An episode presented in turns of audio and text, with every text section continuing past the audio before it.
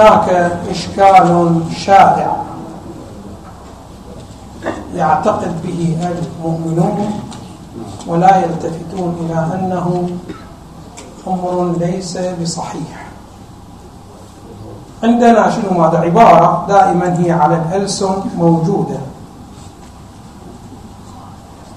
دائما نقول لبعضنا البعض إن الله سبحانه وتعالى لا يحاسب على النيات. هذا الأمر ليس بهذه السهولة وفي الواقع هو أمر ليس بصحيح بل هو خاطئ. فنريد أن نتكلم بعض الكلام حول هذا الأمر. ونربطه بهذه الآية المباركة. بسم الله الرحمن الرحيم.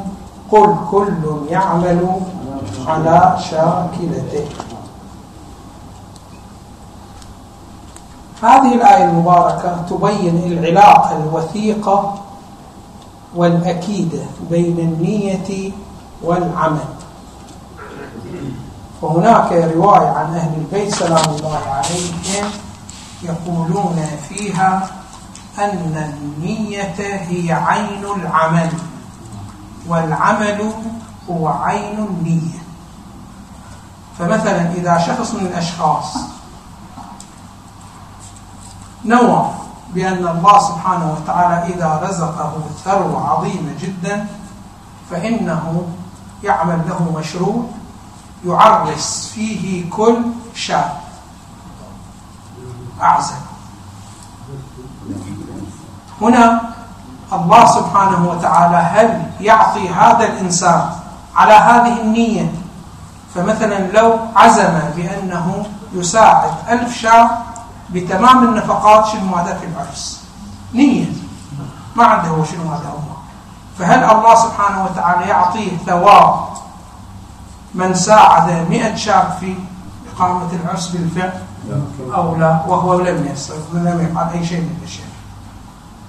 وهكذا لو شخص من الأشخاص نوى أن يقتل ألف مؤمن من الأبرياء بدون ذنب وإلى آخره.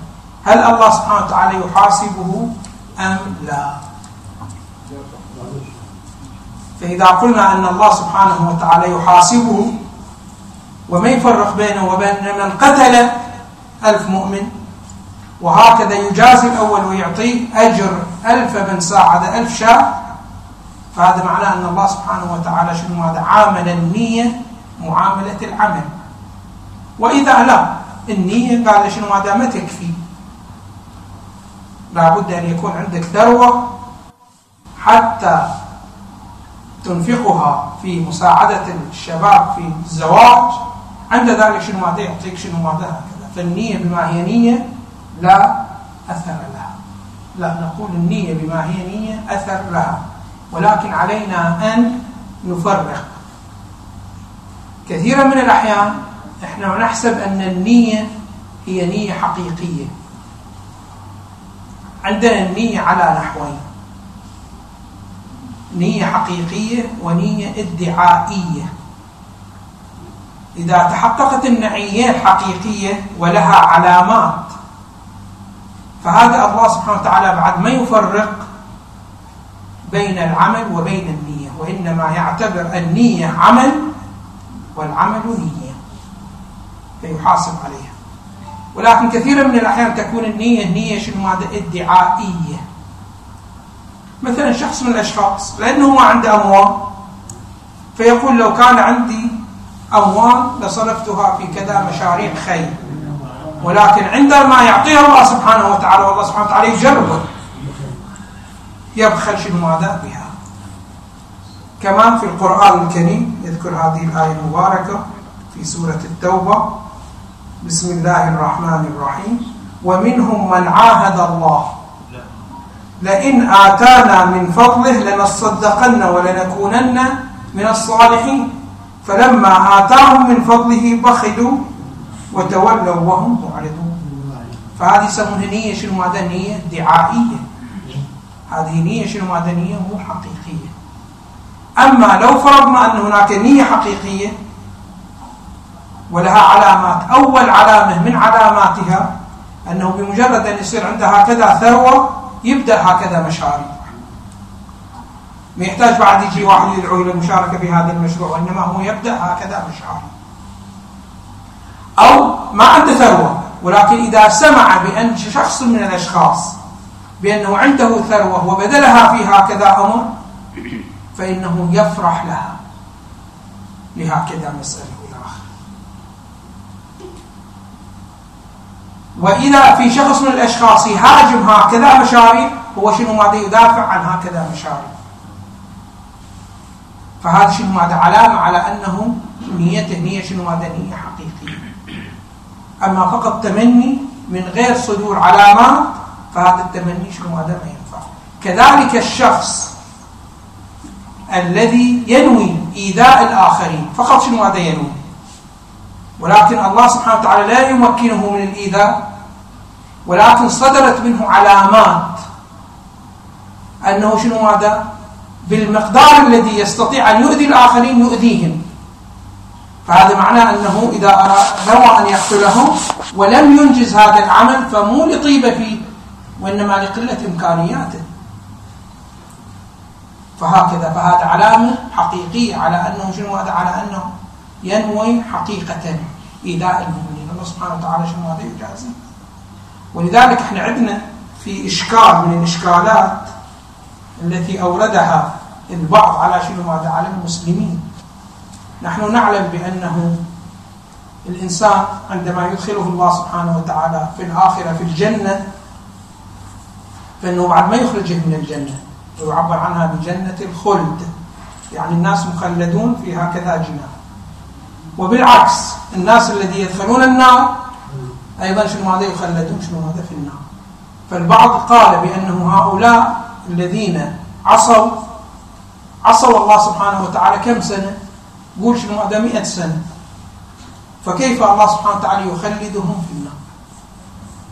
في النار بعد يعني مو ألف سنة.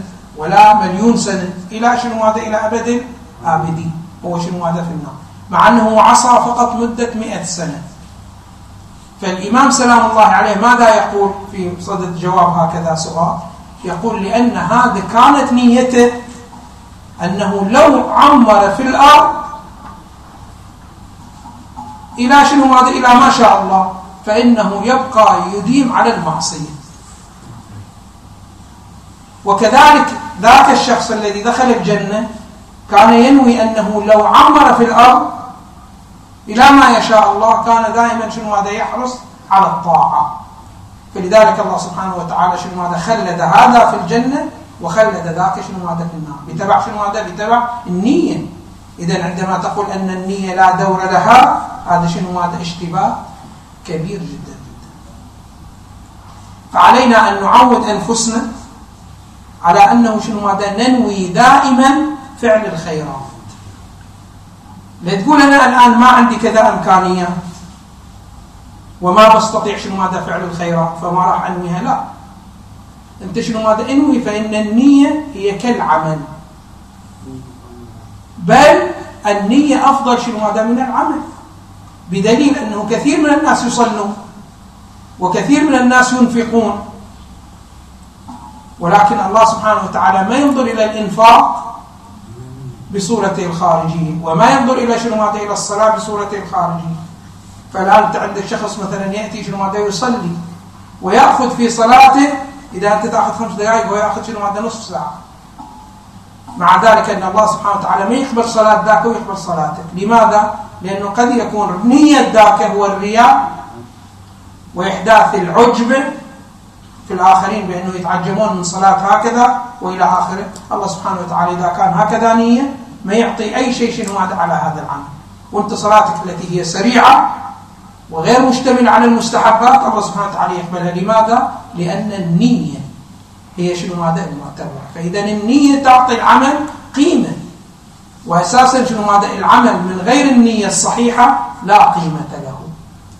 فعلى الإنسان دائما وأبدا أن شنو هذا ينوي عمل الصالح. سواء كنت بإمكانك أو شنو هذا ليس بإمكانك. ولكن بشرط أن تكون هذه النية نية صادقة. فإذا كانت هذه النية نية صادقة الله سبحانه وتعالى يعطيك أجر هكذا عمل. وإن لم شنو هذا وإن لم تعمل به. هذا شنو هذا الشرط الأساسي أن تكون النية نية صادقة.